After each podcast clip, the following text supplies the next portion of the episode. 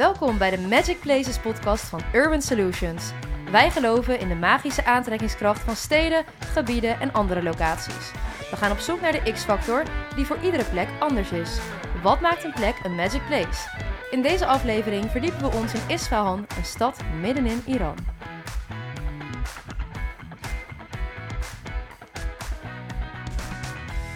Ja, allereerst welkom. Leuk dat je weer luistert naar de tweede aflevering van onze podcast.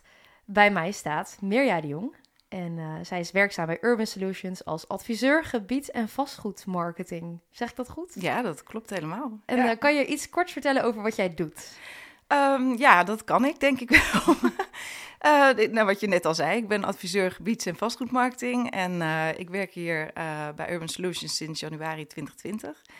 Um, en ik ben uh, ja, met name betrokken uh, bij klanten die uh, vragen naar positioneringstrajecten. Dat is natuurlijk een heel duur woord. Ja.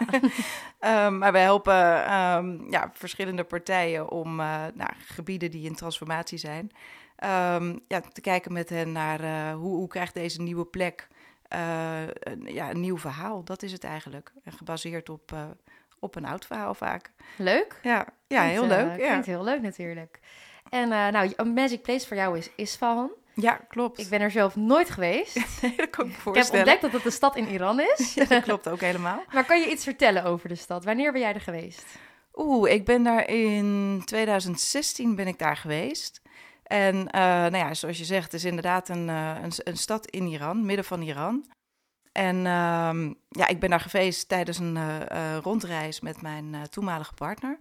Uh, door een, uh, nou ja, eigenlijk een, uh, een, groot deel van Iran. Maar als je op de kaart kijkt, uiteindelijk maar een heel klein stukje. Ik denk dat we zo'n 5000 kilometer daar bereisd hebben. Zo, dat is echt veel. Ja, dat was echt heel veel. En het, ja, het was met name heel bijzonder. Ik bedoel, alleen de naam Isfahan klinkt natuurlijk al een ja. soort van... magisch. magisch, ja, precies.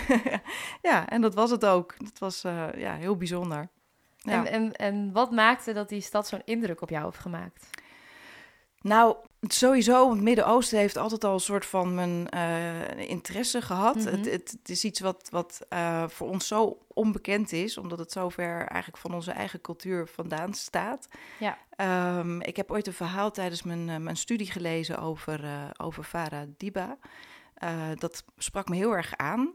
Uh, en dat maakt het eigenlijk nog, uh, ja, maakt mijn interesse nog groter voor, de, voor dit land met name ook, maar ook Isfahan. Uh, omdat, um, omdat voor mij de vraag opkwam van, goh, hè, hoe, hoe, kan het nou dat een land dat zo enorm ontwikkeld was, ja, eigenlijk terecht is gekomen nu in, in waar het nu is. Het is, Mhm. het is zo, zo anders. En dan ben je 50 jaar verder. dus dat heeft mijn, ja, dat heeft mijn interesse ge gewekt. Ja. Um, en goed, ja, Isfahan, wat ik net al zei, het klinkt alleen al als een soort magische duizend in één nachten Mhm. verhaal. En uh, dat, dat is het ook. De stad heeft zoiets uh, bijzonders, heel erg natuurlijk uh, gestoeld op historie. Um, een stad die zeker in het verleden nou ja, echt een van de hoofdsteden van een van de grootste rijken ter wereld is geweest, het Persische, Persische Ja. Rijk. Um, een stad langs de zijderoute die nou ja, en destijds ook de hoofdstad van het Persische Rijk was. Ja, alleen dat al klinkt uh, van... Ja, het klinkt heel mooi. Ja, en dat, uh, dat is wat je in die stad natuurlijk enorm terugziet. Uh, het heeft een van de grootste pleinen ter wereld. Dat is een UNESCO Werelderfgoedplein. Mm -hmm. Nou, als je daar staat, dan voel je ook nou ja, alsof je midden in een sprookje staat. Het is, het, het is sowieso waanzinnig groot. maar wel heel um, warm. Het heeft een, uh, ja, weet je, een, een, een hele mooie uh, fontein. Het is omgeven door een gigantische bogengalerij met, met hele luxe winkels. Mm -hmm. uh, wat je dan misschien ook weer niet uh, nee, voor daar kan zou ik stellen. niet meteen over nadenken. Ik zie eerder allemaal van die kleine winkeltjes voor me met uh, Persische pijten en dat soort dingen. Ja, maar die heb je ook. Je hebt inderdaad de oude soek die echt uit, nou, goed, uit het verleden komt, waar je dan dat soort dingen vindt. Ja. alle prularia die je kunt bedenken. Um, gigantisch uh, paleis van de Shah en natuurlijk al die machtige uh, moskeeën die je uh, daar ziet. met enorme koepels in, in, mo met mozaïeke steentjes. Mhm. En ja, het is ja, waanzinnig. En ik vraag me af, moet je dan ook als vrouw daar zelf een, eh, een hoofddoek op? Ja, dat is wel echt verplicht. Ja, oké. Ehm, je hebt daar natuurlijk uh, ja, de zedenpolitie, noemen ze dat, die daar uh, oh, ja. rondloopt en ook uh, echt daadwerkelijk controleert dat je als vrouw niet te veel haar laat zien. En een, oh, een hoofd. Ja, en in het begin denk je echt van, nou goed, dat ga Zal ik echt wel. niet doen. Mm -hmm. maar binnen vijf minuten denk je al van, oké, okay, ik ben de enige die dat niet doet. en... Ja, dan val je wel op. ja, precies. Ja, en dat heeft ook wel iets moois. Het is heel kleurrijk en ja, ook die, die, die, die Persische vrouwen zijn, zijn prachtig om te zien met uh, grote ogen en uh, hele aansprekende gezichten. Mm -hmm. um, dus het maakt het eigenlijk een soort van extra uh, sprookjesachtig als je, dat, ja, als je dat ziet. Ja, wel een contrast. Ja, enorm contrast, ja. Gaaf. Hey, en je vertelde net over een verhaal dat je hebt gelezen tijdens je studietijd. Ja. En ging dat ook over, speelde zich dat af in Iran of wat was dat voor... Ja, dat verhaal? speelde zich, ja, dat is uh, Farah Diba, ging dat over. Dat is, uh, ja, dat is de, de vrouw van de toenmalige Shah. Mm -hmm. En uh, ja, de hele um, charismatische vrouw. En in die tijd ja, was, was Iran nou, een van de meest vooruitstrevende steden, denk ik Ja. wel. Of landen, sorry, die, die er destijds waren. Met enorm hoog opleidingsniveau en uh, nou, heel vrij. Mhm. mm -hmm. Ook vrouwen hadden, daar hadden daar hele hoge banen. En ehm, ja, je kan je bijna niet voorstellen dat het nu eigenlijk bijna een soort tegenovergestelde is van, ja. van wat er toen was. En um, ja, dat, dat maakt het tegelijkertijd ook weer zo bijzonder. En ja. juist die, die, die contrasten die, Mhm. je, die je hebt vanuit het verleden en van nu, dat, dat maakt ook die stad.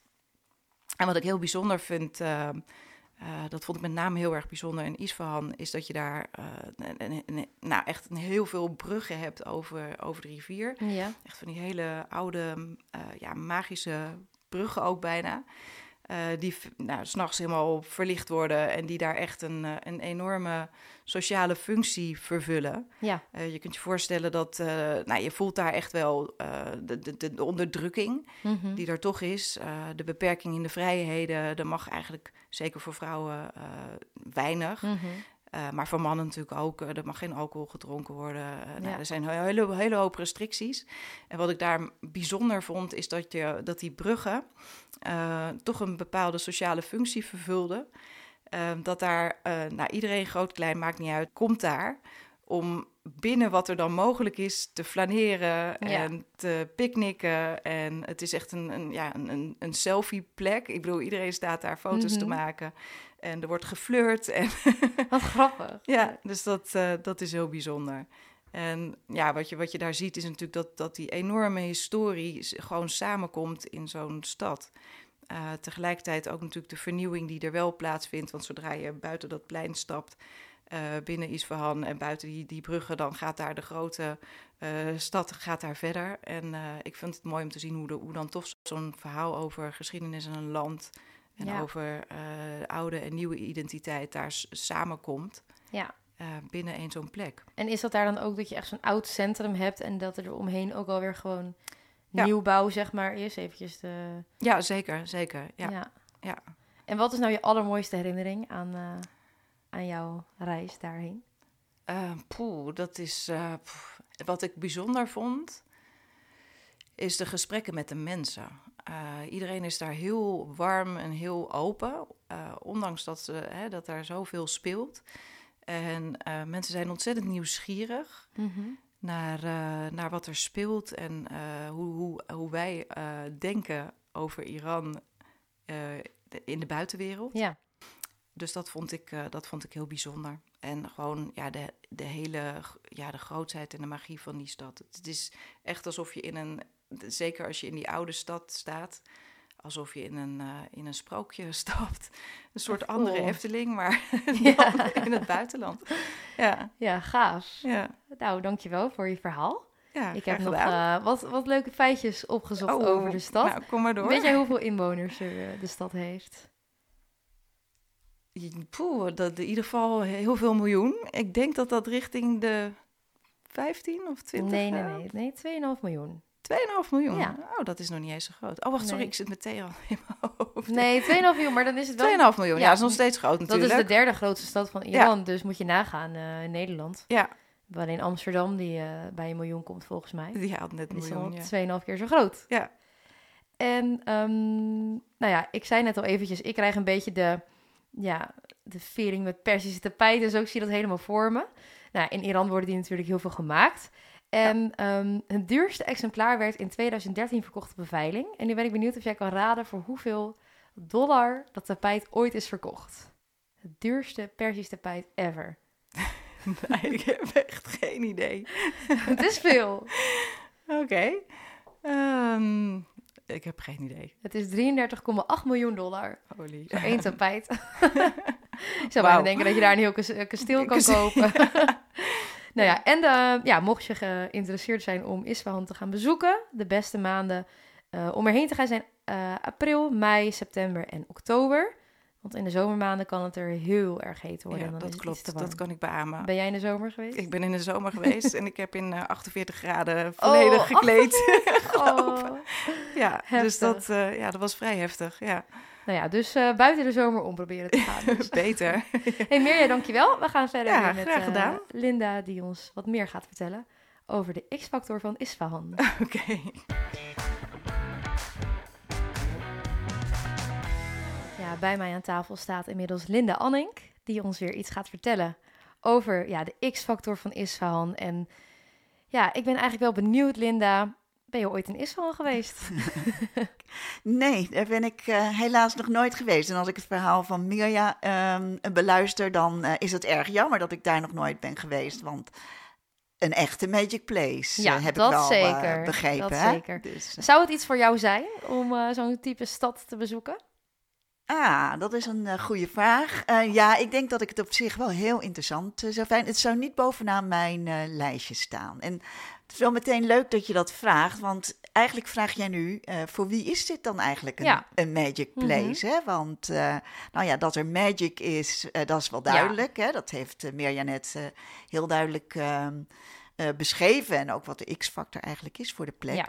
Maar ja, niet iedereen zal zich daartoe aangetrokken voelen. Niet zozeer vanwege de plek, maar wel van- vanwege de context, zal ik maar zeggen. Het, het eh, tegenwoordige Iran en wat we daarvan vinden en wat we daarvan zien op de Mhm. televisie. Die context is natuurlijk super belangrijk, ook voor een, voor een plek. Hè? Ja. En we hebben het in, het vorige, eh, in de vorige podcast hebben we het gehad over de Efteling.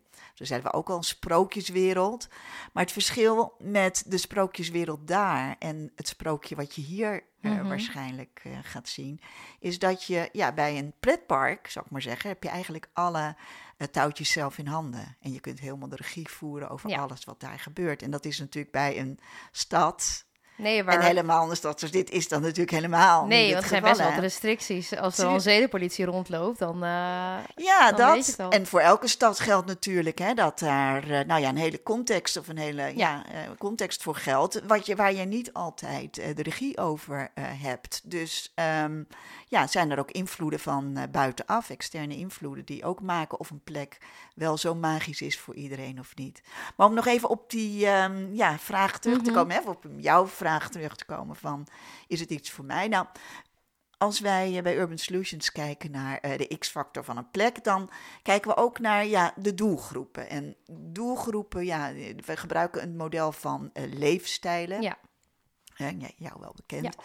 En dat betekent eigenlijk dat je mensen, en dan vertel ik het eigenlijk in hele grote lijnen hoor, want eh, ik bedoel, het gaat te ver Ja. om daar diep op in te gaan, maar eigenlijk zou je doelgroepen kunnen, eh, of leefstijlen moet ik zeggen, kunnen eh, verdelen in vier kleuren, rood, geel, blauw, groen. Ja. Daar komt het eigenlijk simpel op neer. En als je het hebt over rood, rode leefstijl, dan heb je het over mensen die, nou ja, avontuurlijk zijn ingesteld, Ja. zal ik maar zeggen. Die ervan houden om nieuwe dingen te ontdekken. Mhm. Die ehm, ja, niet voor de, ehm, zeg maar de massa gaan, maar juist voor eh, ja, het kleine, intieme, het nieuwe. Ehm, ja, en dus die ook wel eens wat meer risico durven nemen. Ja. Nou, dat is de, de rode doelgroep. Nou, de andere doelgroepen hebben zo een andere, ehm, zeg maar, hun andere eh, wensen en behoeften.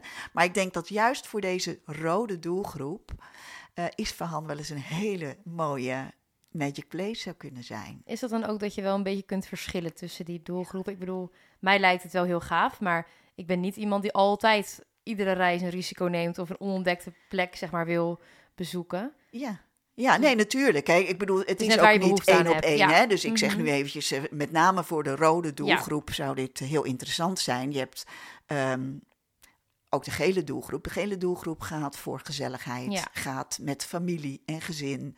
Ehm, nou ja, hè, met kinderen, eh, met vrienden en, ehm, en vriendinnen. Nou, daar zie ik, die doelgroep zie ik hier minder. nee, eh, want je kan ook al geen drankje nuttigen, dus dan eh, vallen er al best wel wat af, hè? Ja, dat zou je, zo zou je het ook Ja. kunnen interpreteren, inderdaad. Ik zou er niet met mijn vriendin heen Ja. gaan. Nou, eigenlijk groen, als ik, en nogmaals, eh, ik moet echt even de disclaimer hier melden, want eh, Ja. als mensen mee zouden luisteren die, die zich ook bezighouden met leefstijlen, die zouden zeggen, oh, dit is allemaal veel te, veel te globaal en veel te Ja, en dat is het natuurlijk, hè, dat is het natuurlijk ook. Maar als we het even in hele grote lijnen, dan heb je bijvoorbeeld de groene doelgroepen, ja, mensen die ehm, eigenlijk eh, ja, wat behoudender zijn, Mhm. ehm, houden van bekende merken. Dus ook ja, niet zozeer de stap naar het onbekende eh, nemen, maar ja, toch liever Ja. dichter bij huis. Eh, nou, die mensen zie ik daar natuurlijk, die zie ik daar ook niet eh, zo snel naartoe gaan. En de blauwe mensen zitten er een beetje blauw-paars, hè, blauw-paars-rood. Mhm. Nou, dat, die zij zitten er een beetje eh, tussenin. Blauwe mensen zijn overigens wel ehm, eh, sterk ehm, gericht op kwaliteit Ja. en service, maar ook op het bijzondere. Hè, en Mhm. op, die zijn overigens ook merk, merkgericht. Daar zou het natuurlijk ook best eh, interessant eh, voor kunnen zijn. Leuk, dus eh, eigenlijk wat jij zegt is, Isfahan is wel echt een magic place, Absoluut maar wellicht niet voor iedereen. En wellicht niet voor iedereen. Maar net zoals dat we dat vorig jaar, vorige keer bij de Efteling ook zeiden. Hè, wat mensen met name ehm, interessant vinden aan plekken, is ehm, het verhaal. Het Ja. verhaal, de, of de verhalen die Mhm. er spelen. Nou ja, en hier geweldig verhaal. Hè? Dus Ja. ehm eh, Mirja noemde net al Faradiba, de Shah van Perzië. Nou, dat hele voormalige rijk, dat Perzische rijk, dat spreekt eh, in ieder geval bij een bepaalde generatie natuurlijk enorm tot de verbeelding. Eh, sprookje van duizend en één nacht. Dus je gaat er al heen met een bepaalde verwachting. En als die verwachting dan ook nog eens waar wordt gemaakt op het moment dat je daar bent. Hè, en je ziet, je komt daar ook weer, bij wijze van spreken, de poort door. Mhm. En je ziet daar die prachtige ehm, ja, gebouwen, monumenten, moskeeën, bruggen. Ja, dan gaat dat sprookje ook echt real life worden. Ja. Nou, en dat is, dat is waar de magie start, hè? Dat je Ja. dat wow-moment, dat je daar komt en dat je denkt van, oh ja, dit is echt wat ik me eh, had eh, voorgesteld van Mhm. deze plek. Nou ja, en als je dan ook die verhalen tot leven ziet komen, ja, dat is wel wat een plek echt tot een magische plek maakt. Dus eigenlijk is dat voor gebiedsmarketeers wel heel waardevol. Dat je erachter komt wat die verhalen zijn die spelen. Zodat je ook daar, ja... Dat je die eh, kan dat je het ook kan vertellen. laten aansluiten. En Ja, kan vertellen. En ja. dat je je, ja, alles wat je verder doet daaromheen bouwt. Precies. Nou, dat is ook precies wat wij doen. Hè? We Ja. gaan altijd als we naar een plek, eh, op een plek zijn waar ons wordt gevraagd van nou, hoe kunnen we nou eh, deze plek aantrekkelijker maken of de aantrekkingskracht van deze plek vergroten, gaan we altijd eerst op zoek van oké, wat is het verhaal van deze Mhm. plek? Elke plek heeft een verhaal en het is gewoon de kunst om die te vinden. En nou, hoe vind je die dan? Bij de mensen die er wonen. Ja. Vooral Mhm. bij de mensen die er wonen of die er werken, hè, die er zijn. Ja, Nou, ga daar maar eens mee praten en je krijgt echt de prachtigste verhalen. Nou, en zo kun je, ja, met al die informatie die je dan ophaalt, kun je een verhaal schrijven, zoals wij dat noemen. Kun je het verhaal schrijven en vervolgens ga je het vertellen. Dus ja, wij geloven er ook echt in dat elke plek wel een verhaal heeft. Hè? Ook nieuwe plekken, weet je. Het hoeven niet Ja. per se allemaal historische en van dit soort geweldige, overweldigende plekken als Isfahan eh, te zijn. Maar er zijn ook genoeg andere plekken. Een winkelcentrum, bij wijze van spreken, heel ja, eh, eh, zeg maar ehm, eenvoudig of plat gezegd, heeft ook een verhaal. ja. En de truc is, hè, of de kracht zit hem in, waar, hoe ga je, welk verhaal ga je vertellen aan, aan wie? Ja. Voor welke doelgroep, voor welke leefstijl? En past dat goed? Vind je daar de goede match? Dan heb je denk ik, ehm, ja, eh, dan heb je de magic eh, te pakken, Ja. we maar zeggen. Mooi. Hey, en helemaal aan het begin van jouw verhaal zei je iets over externe invloeden. Ja. Ja. Zou je daar iets over kunnen vertellen? Want ehm Mirja gaf natuurlijk aan dat, dat Isfahan vroeger helemaal in bloei was. En eh, nou ja, misschien wel een van de nou ja, meest succesvolle steden van, Van de wereld ja, misschien, misschien, wel, van de hele wereld. Ja, En ja. inmiddels is natuurlijk het hele land, nou ja, het, inderdaad, we hoeven ook niet allemaal in detail te gaan vertellen wat er speelt. Maar er speelt genoeg, waardoor eigenlijk ja, een stad als Isfahan daar ook um, onder leidt. Ja, onder leidt eigenlijk. Ja. ja. Ja, Nou ja, je zou het eigenlijk kunnen samenvatten als uh, het verhaal klopt niet meer. Ja. Snap je? Het sprookje um, is niet overal mm -hmm. het sprookje meer. Nee. En dat zijn die externe invloeden. Ik bedoel, als je nu mensen in Nederland, dat zou ik me zo voor kunnen stellen, uh, zou moeten enthousiasmeren voor deze plek, die hebben dan toch uh, niet alleen nee. dat verhaal van het sprookje in hun gedachten. Nee. Snap je? Als die denken het aan voelt Iran. dan al heel dubbel om daarheen precies, te gaan. Dat ja. is het precies. Het voelt dubbel, want je ziet ook de andere kant ja. van het verhaal. Nou, en dan zal dat voor sommige mensen uh, juist interessant zijn, of Ja. juist boeiend zijn, hè, want tegenstellingen kunnen Mhm. juist ook uh, een ja, aantrekkingskracht absoluut. hebben. Dat zijn meer juist- net ook. ja, hè, juist omdat die tegenstelling. Maar goed, we weten allemaal wat er speelt, juist Ja. op dit moment eh, in Iran. En dat zou natuurlijk best wel eens een belemmering kunnen zijn voor heel veel mensen. Om toch ja, dat, eh, die, po- dat positieve beeld eh, in ere te Ja. houden. Ja, zo zie je maar hoe het kan omslaan eigenlijk. hè? Zo kan het omslaan en ook wel weer ten goede, denk ik. Dus, Nou, ja. tuurlijk. en wat, wat meer jij zei, hè, ehm, eh, die externe ehm, invloeden, die hebben natuurlijk, eh, of die externe factoren hebben invloed op wat er nu gebeurt. Maar in de kern blijft het verhaal natuurlijk overeind Ja. staan. Hè? Dat blijft. En als je straks, als er een nieuwe situatie zou zijn, dan ja, kan dat ook zomaar weer eh, de goede kant op gaan. Ja, tuurlijk. Dan kan je altijd terugvallen op dat verhaal. Kan je wat er altijd teruggaan op dat verhaal. Ja. Nou, mooi. Dankjewel voor Nou, je tijd gedaan. en je mooie uitleg. Oké. Dan eh, gaan we deze aflevering afsluiten. Bedankt voor het luisteren eh, naar de Magic Places podcast. Over twee weken zijn we weer bij jullie terug met een nieuwe aflevering. En dan gaan we het hebben over de hometown van Urban Solutions, Amersfoort. En wil je meer Magic Places zien? Kijk dan op onze website www.urbansolutions.nl en schrijf je in voor onze nieuwsbrief. Tot dan!